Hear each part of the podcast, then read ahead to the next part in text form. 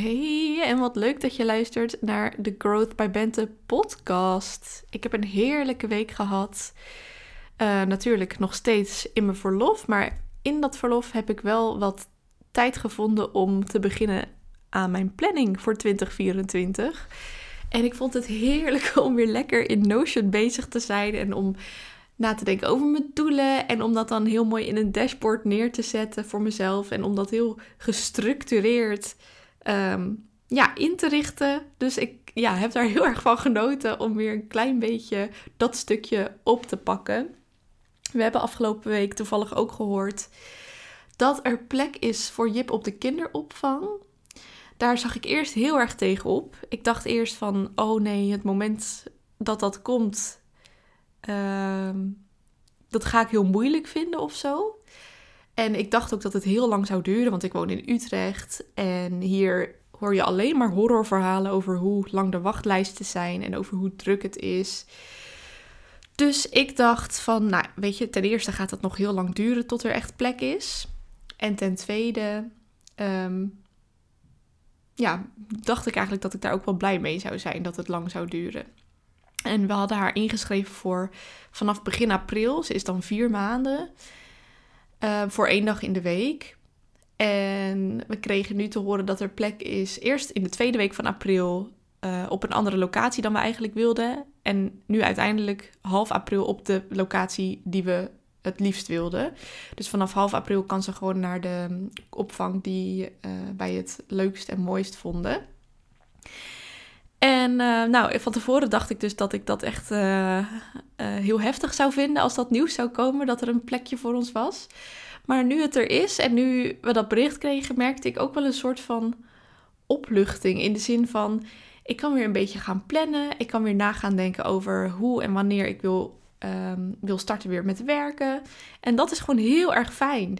Dus kijk, tuurlijk gaat het heel moeilijk zijn, denk ik, de eerste keer dat ik haar ga wegbrengen. Of dat Jasper haar gaat wegbrengen. Um, alhoewel, ja, ik heb er ook wel gewoon een goed gevoel over.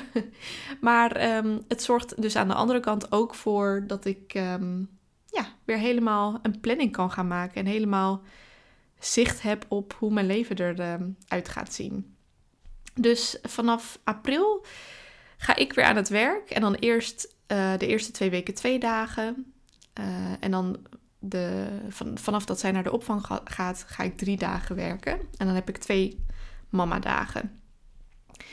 En um, wel grappig, want dit is eigenlijk altijd een van de redenen geweest waarom ik wilde ondernemen. Ik wilde er gewoon zoveel mogelijk voor, ja, nu onze dochter en in de toekomst eventueel uh, meerdere kinderen zijn. En niet per se 40 of misschien 32 uur per week in een kantoor vastzitten zonder flexibiliteit. En je elke keer verontschuldigen als er dan iemand ziek is of als je toch thuis moet blijven. Um, dus die verplichting, daar zag ik heel erg tegen op. En ik weet nog precies wanneer dat zaadje is geplant van dit wil ik later niet.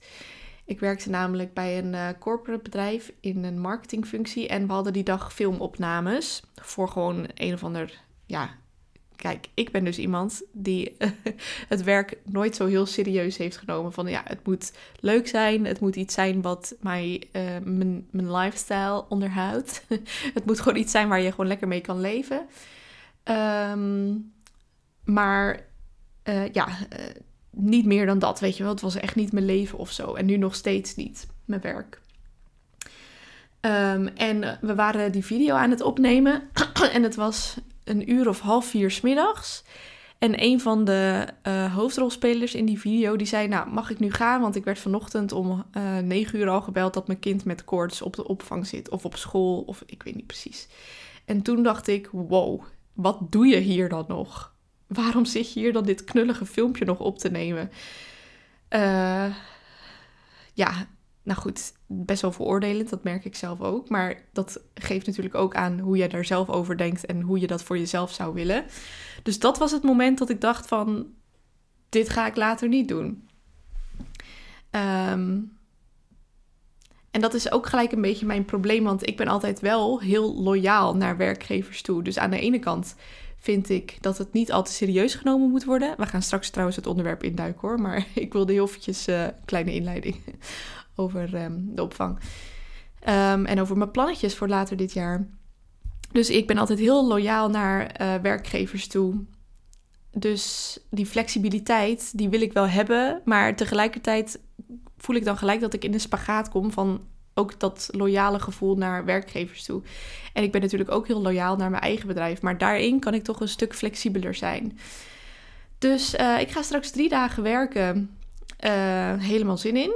En ja, voor mijn, voor mijn zwangerschap en tijdens mijn zwangerschap werkte ik ook gemiddeld, denk ik, 25 uur per week. Alleen dan verspreid over vijf dagen. Dus dan had ik gewoon kortere werkdagen.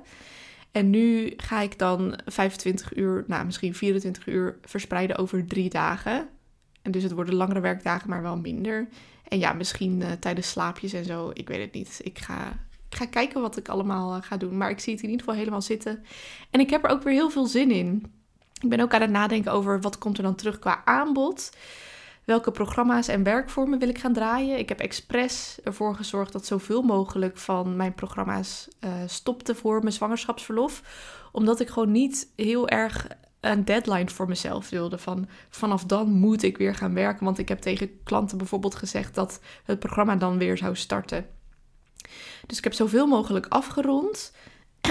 en ook met het idee dat ik ja, gewoon weer opnieuw wilde kijken naar: oké, waar heb ik dan nu zin in? Welk programma komt er terug? Um, welke werkvormen wil ik gaan hanteren? Wat wil ik gaan aanbieden? In hoeverre ga ik mijn agenda openzetten? In hoeverre komt er één op één coaching? Um, dus daar ben ik al lekker over aan het nadenken. En ik wil in ieder geval weer gaan starten met de Scale Up Mastermind. Dat is mijn programma voor opschalende ondernemers die al best wel lekker gaan, maar die nu echt door die six-figure grens heen willen breken. En voor ondernemers die al zes figures, zes uh, cijfertjes, wacht, dat klinkt heel, die al meer dan een ton omzet hebben gedraaid, maar die nu willen opschalen naar meerdere uh, tonnen omzet per jaar. Dus de Scale Up Mastermind komt terug. En daarnaast komen er ook een paar plekken beschikbaar voor één op één coaching. En ik wil ook gaan werken met één op één live dagen. Dus dat we in één dag op een fijne locatie met een lekkere lunch natuurlijk.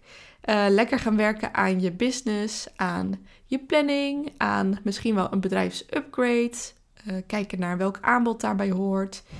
Zodat je daarna weer helemaal zelf daarmee aan de slag kunt. Dus dat ga ik de komende tijd um, uitwerken verder. En op mijn Instagram ga ik aankondigen wanneer ik mijn agenda ga openzetten voor discovery calls. Voor deze drie dingen. Dus voor de Scale Up Mastermind, voor de 1 op 1 coaching en 1 op 1 live dagen. Dus hou dat zeker in de gaten. Maar goed, voordat het zover is, zit ik nog heerlijk in die babybubbel. En vanuit die bubbel ga ik natuurlijk door met mijn wekelijkse podcast. Want dat was een van mijn doelen voor dit jaar. Wekelijks podcasten. Uh, heb ik een tijdje gedaan, heb ik ook een hele tijd niet gedaan. En nu is het dat weer terug. En uh, volgens mij is dit alweer de vierde op een rij of zo die ik uh, heb gepubliceerd. Dus nou, het gaat lekker.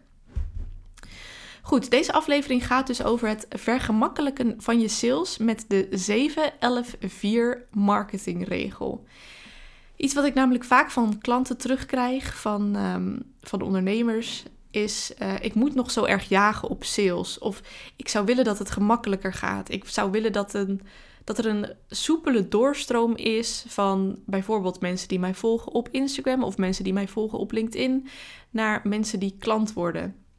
En dat is inderdaad heel fijn. Het is heel fijn als je jouw marketing zo hebt ingericht dat het soort van werkt als een systeem die continu voor leads en klanten zorgt. En dat kan natuurlijk met een funnel. Maar dat hoeft niet per se. Um, en dat voorbeeld, uh, je kunt ook een systeem bouwen zonder funnel. En dat, uh, daar gaat eigenlijk die 714 marketingregel over. En die regel die gaat over het aantal touchpoints dat nodig is voor een klant om uiteindelijk een aankoop te kunnen doen. Een touchpoint is elk momentje van contact tussen jou en jouw potentiële klant. Nou, daar zijn heel veel onderzoeken over geweest, waarin dan werd gezegd: uh, ja, er zijn gemiddeld 7 touchpoints nodig. Of er zijn gemiddeld toch 11 touchpoints nodig. Of er zijn gemiddeld toch tussen de 1 en 100 touchpoints nodig. Of tussen de 1 en 1000. Er zijn heel veel, uh, ik wou zeggen, verschrikkelijk veel onderzoeken gedaan naar. Uh, hoeveel touchpoints zijn er nou nodig? Want dat zouden we natuurlijk heel fijn vinden om te weten. Van, oh ja, ik hoef eigenlijk maar zeven keer op een manier contact te hebben met een klant voordat hij klaar is voor die aankoop. Ehm, maar eigenlijk heb ik ook altijd gezegd van je, je kan daar niet um, een eenduidig antwoord op geven. Dus het ligt er maar altijd maar net aan hoe ingewikkeld je product is en wat de investering is. Uh, hoeveel touchpoints er uiteindelijk nodig zijn. Bijvoorbeeld, je kunt je voorstellen, bij een zonnebril kun je gewoon zien: hey, ik zie een mooie zonnebril, die wil ik uh, en ik koop hem. En daar heb je misschien maar één touchpoint voor nodig. Maar bij een lang coachingstraject van duizenden euro's, daarvan wil je gewoon even goed weten wat het je gaat opleveren. En dat heeft tijd nodig. Je moet een relatie opbouwen met de aanbieder. Je moet diegene zien te vertrouwen. Um, dus dat, dat bepaalt al dat. Um, of dat zorgt er eigenlijk al voor dat er ontzettend veel verschil kan zitten tussen hoeveel touchpoints er nodig zijn. En het aantal touchpoints dat nodig is, ligt er ook maar net aan aan degene die het koopt. Dus uh, als jij je even inleeft in um, de koper, dan, um, ja, dan zijn er ook heel veel verschillende manieren om daarmee om te gaan. De een die beslist heel erg op gevoel. Hè, iets voelt goed, dus ik ga daar gewoon in investeren of ik koop die zonnebril. De ander die wil alle details weten voordat ze de investering doen of de aankoop doen. Dus die gaan helemaal nadenken over uh, of inlezen in over van welk materiaal is dit dan gemaakt. Uh, bij welke outfit staat deze zonnebril goed? Welke influencers hebben deze zonnebril bijvoorbeeld? en weer bij een ander moet er van alles intern overlegd worden. Dus het verhaal van er zijn uh, zeven touchpoints nodig, of elf, of welke, welk eenduidig antwoord je dan ook hoort, dat is heel erg achterhaald. En zoals ik altijd al heb gezegd, ook heel erg kort door de bocht. Deze nieuwe regel, die komt al meer in de buurt bij de realiteit. En um, ik zei net van, uh, het gaat over het aantal contactmomentjes en dat kan dus van alles zijn. Dus uh, een post op Instagram is bijvoorbeeld een contactmomentje, een DM is een contactmomentje, een sales call is een contactmoment. Um, als iemand je website bezoekt, is dat een contactmoment en dus een touchpoint. Dus dat zijn uh, touchpoints waar we het hier over hebben. Nou, de nieuwe regel, die is een stuk realistischer. En die komt uit een onderzoek dat door Google vorig jaar is uitgebracht. En het houdt het volgende in. Dus 7, uh, oh, 7114 is het. Ik zei net misschien 7411. Nou goed, maakt niet uit. Een koper heeft gemiddeld 7 uur aan interactie nodig met de aanbieder. Dus met jou als ondernemer. Verdeeld over gemiddeld 11 touchpoints. Verdeeld over gemiddeld vier verschillende locaties voordat zij een aankoop kunnen doen. Dus een koper heeft gemiddeld 7 uur aan interactie nodig met de aanbieder, verdeeld over gemiddeld 11 touchpoints, verdeeld over gemiddeld vier verschillende locaties. En dit verschilt, um, dit verklaart een hoop over waarom bijvoorbeeld sommige ondernemers ontzettend het gevoel hebben dat ze moeten trekken en leuren aan klanten of dat ze nog heel erg moeten jagen. En um, waarom andere ondernemers eigenlijk veel minder tijd in het salesstukje nodig hebben. En dat verklaart ook waarom bij sommigen dat salesproces een stuk gemakkelijker gaat. Vaak is dat omdat er gewoon heel veel uur aan uh, content beschikbaar is, aan interactie beschikbaar is. Dit verklaart ook waarom masterclasses en challenges bijvoorbeeld heel goed werken. Dus er is gewoon, mensen investeren meer tijd in jou of ze, ze brengen meer tijd met jou door. Um, waardoor ze ja, toch sneller voelen dat ze een relatie met je hebben. Sneller dan bijvoorbeeld wanneer ze die relatie puur moeten opbouwen op basis van Instagram posts en stories. Weet je wel, een, um, een masterclass van een uur. Nou ja, hoeveel uur aan stories heb je wel niet nodig om daarvan een equivalent te bieden? Dat is echt heel veel. Dan moet je je rot storyen. En het verklaart bijvoorbeeld ook. Ehm, ik heb een aantal jaar aan vlogmas gedaan. Elke keer in december deed ik dan een, uh, een vlogmarathon van 1 tot en met 24 december. Elke dag een vlog op YouTube. En elke keer daarna had ik een sales boost. Elke keer daarna merkte ik gewoon dat, ja, dat ik ineens heel makkelijk vanuit allerlei hoeken klanten aantrok. Um, en dat kwam dus waarschijnlijk omdat mensen gewoon heel veel tijd met mij hadden doorgebracht in december, omdat ze mijn vlogs hadden gezien. Nou, we gaan voor elk cijfertje van die 7-11-4-regel er even kort doorheen. Even kijken wat, het bedoelt, eh, wat ermee bedoeld wordt. En dan kun je na het luisteren van deze aflevering bekijken waar voor jou nog kansen liggen om jouw klantreis te optimaliseren, zodat jij ook die, um, dat salesproces makkelijker kunt gaan maken. Het idee achter die 7-11-4-regel is dus eigenlijk dat jij jouw klanten de kans geeft om jou beter te leren kennen. En dat er een betere klantrelatie ontstaat, zodat je minder hoeft te jagen. Zodat mensen meer vanzelf naar jou toe komen. Dus als er minstens 7 uur aan content beschikbaar is van jou en over jou, verdeeld over die 11 touchpoints, verdeeld over die vier verschillende locaties. En als jouw klanten dat ook gaan nuttigen, die content, dan ontstaat er een gevoel van uh, dat mensen je kennen. Dan staat er een gevoel van een relatie. Je klanten kunnen jou dan vinden, die kunnen jou beter leren kennen en je geeft ze de kans om jou leuk te gaan vinden en om dat vertrouwen op te bouwen wat nodig is om die aankoop te doen. Dus dat is het uh, idee erachter. En het eerste punt is dus 7 uur aan interactie, oftewel, zo vertaal ik hem dan, 7 uur aan content. Je wil jouw klanten de kans geven om 7 uur aan content van jou te nuttigen of om 7 uur aan interactie met jou te hebben. En die 7 uur, dat kan bestaan uit face-to-face contact. Denk aan netwerkevents, denk aan workshops, denk aan andere meetings waar jij een rol speelt of waarin jij met mensen kletst. Het kan ook bestaan uit geschreven content, blogs, checklists, whitepapers, e-books, e-mails, nieuwsbrieven, Instagram posts, LinkedIn posts. Um, uitgebreide case studies van hoe jij klanten hebt geholpen, die jij helemaal uitschrijft en bijvoorbeeld als blog op je website publiceert of op LinkedIn. En het kan ook bestaan uit video- en audio-content. Dus uh, stories, live gaan op Instagram, reels. Al zijn die natuurlijk wel weer heel kort, dus daar heb je heel veel reels voor nodig om uh, aan die 7 uur te komen. Video's op YouTube, podcasts. En natuurlijk dingen als challenges en masterclasses of online events. 7 uur aan content dus. En de eerste vraag die je, waar je over na mag denken is: um, hoe zit dat bij jou? Heb jij überhaupt 7 uur aan content beschikbaar? En wat zou je kunnen doen om dat eventueel aan te vullen? Ga je beginnen met nieuwe contentvormen of moet je gewoon vaker zichtbaar zijn? Of kies je ervoor om uren te kletsen in de DM's met jouw potentiële klanten. Want ik heb een klant die dat op zo'n manier doet. Die is af en toe zichtbaar op Instagram, af en toe zichtbaar op stories. Maar ik weet dat zij gewoon heel veel DM't met mensen. Um, over van alles en nog wat. Dus dat hoeft niet eens dan alleen maar sales gerelateerd te zijn. Maar uh, gewoon over koetjes en kalfjes. Die is echt heel actief bezig met relaties opbouwen, met gezellig doen in de DM's.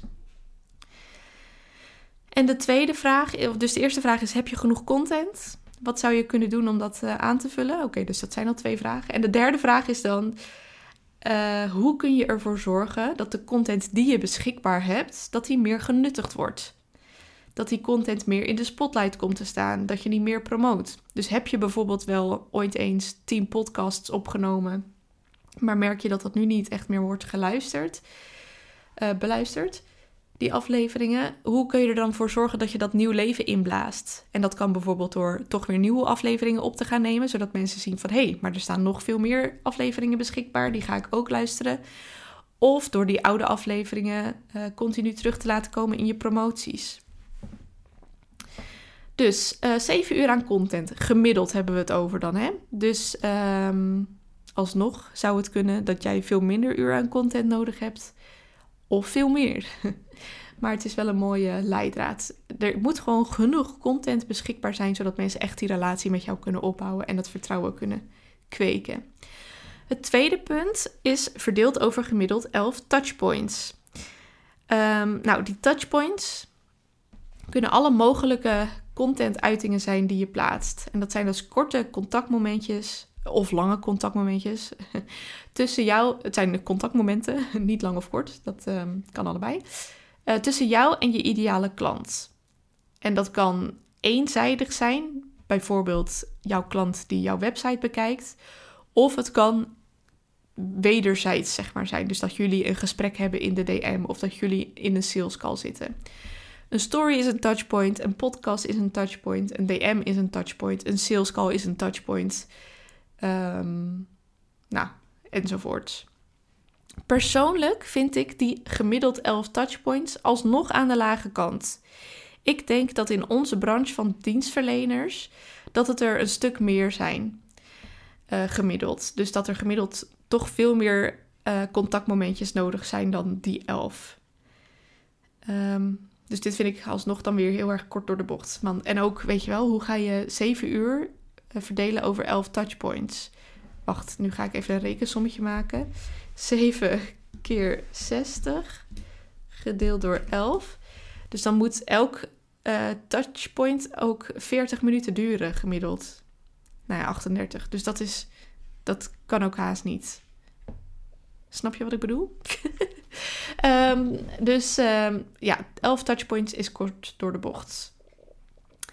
Dus dat uh, gaat er maar uit dat het er in onze branche een stuk meer zijn.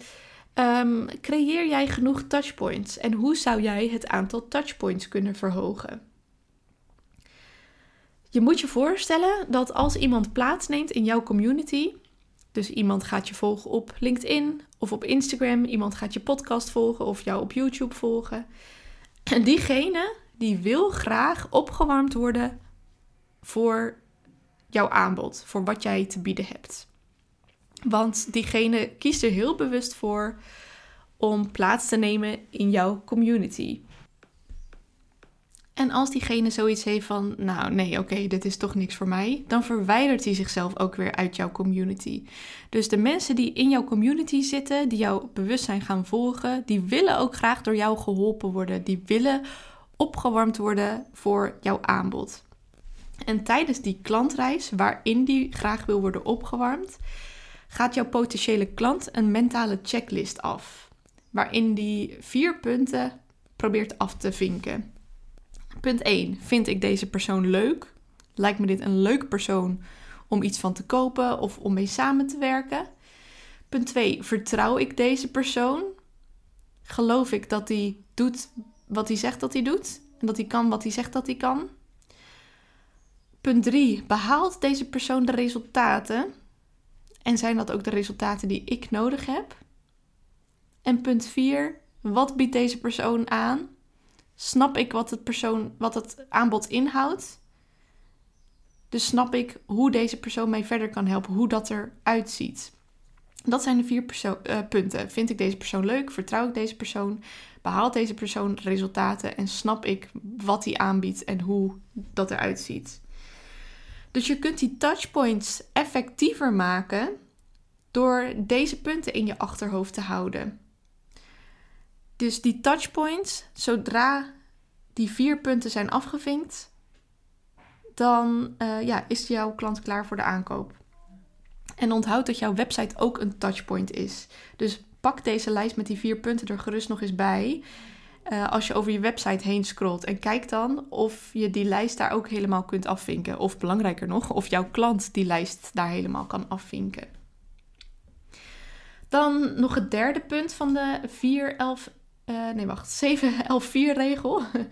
Dat is verdeeld over vier locaties. Dus we hebben 7 uur aan interactie, verdeeld over 11 touchpoints gemiddeld, verdeeld over gemiddeld vier locaties. Een locatie is eigenlijk een kanaal. Dus een plek online, kan ook fysiek, maar meestal in onze branche online, waar jouw klant jou tegenkomt, waar die touchpoints plaatsvinden. En um, die locaties, oftewel die kanalen, dat kunnen jouw eigen kanalen zijn, namelijk je website, uh, je social media kanalen, je podcast, een YouTube-kanaal, e-mail, nieuwsbrieven. En het idee is, waarom dat over vier verschillende locaties verspreid moet zijn, gemiddeld, is dat ons brein het fijn vindt om bekende dingen te zien. Ons brein is altijd op zoek naar bepaalde patronen. Ons brein is altijd op zoek naar herkenning. Zo van, hé, hey, oh, dit snap ik, dat kan ik weer daaraan koppelen. Of dat herken ik van wat ik daar heb gezien. En hoe meer, uh, op hoe meer plekken ons brein iets bekends tegenkomt, hoe meer dat bijdraagt aan het vertrouwen dat jouw klant nodig heeft om die aankoop te doen. Hoe meer dat bijdraagt aan die klantrelatie. Dus ga even bij jezelf na. Heb ik minstens vier kanalen beschikbaar waarop mensen mij kunnen vinden? Of heb ik bijvoorbeeld alleen Instagram en mijn website? Want dan kun je overwegen om ook een podcast te starten. Dat draagt natuurlijk ook bij aan die 7 uur aan interactie die nodig is, gemiddeld. Of kun je overwegen om bijvoorbeeld ook op LinkedIn te beginnen. Ik heb daar vorig jaar actief aan gewerkt aan LinkedIn en daar heb ik een enorme groeispurt uh, doorgemaakt. Het is op LinkedIn namelijk ook een stuk makkelijker om nieuwe mensen te bereiken en om je bereik te vergroten. Um, dus heb ik die vier kanalen. En je kunt ervoor kiezen om die vier kanalen volledig in eigen beheer te hebben. Dus door de voorbeelden die ik net had, je website, meerdere social media kanalen, eventueel een podcast, een YouTube kanaal en een nieuwsbrief of iets e-mailachtigs. um, maar hoe sterk is het wel niet als je ook te vinden bent op kanalen van andere mensen, van andere partijen. Kanalen die jij niet zelf in de hand hebt. Doordat je bijvoorbeeld ergens te gast bent in een podcast, of doordat je ergens een gast masterclass mag geven, doordat je ergens een gastblog mag schrijven, of doordat je bijvoorbeeld op een event mag spreken. Dus een combinatie van eigen kanalen en kanalen van anderen is het sterkst. Omdat je dan niet, uh, weet je wel, een. Um, mensen zijn er niet heel bewust mee bezig, maar uh, als jij te gast bent ergens op een event of ergens te gast bent op een podcast, dan kun je natuurlijk veel minder editen wat je misschien zelf wel zou doen.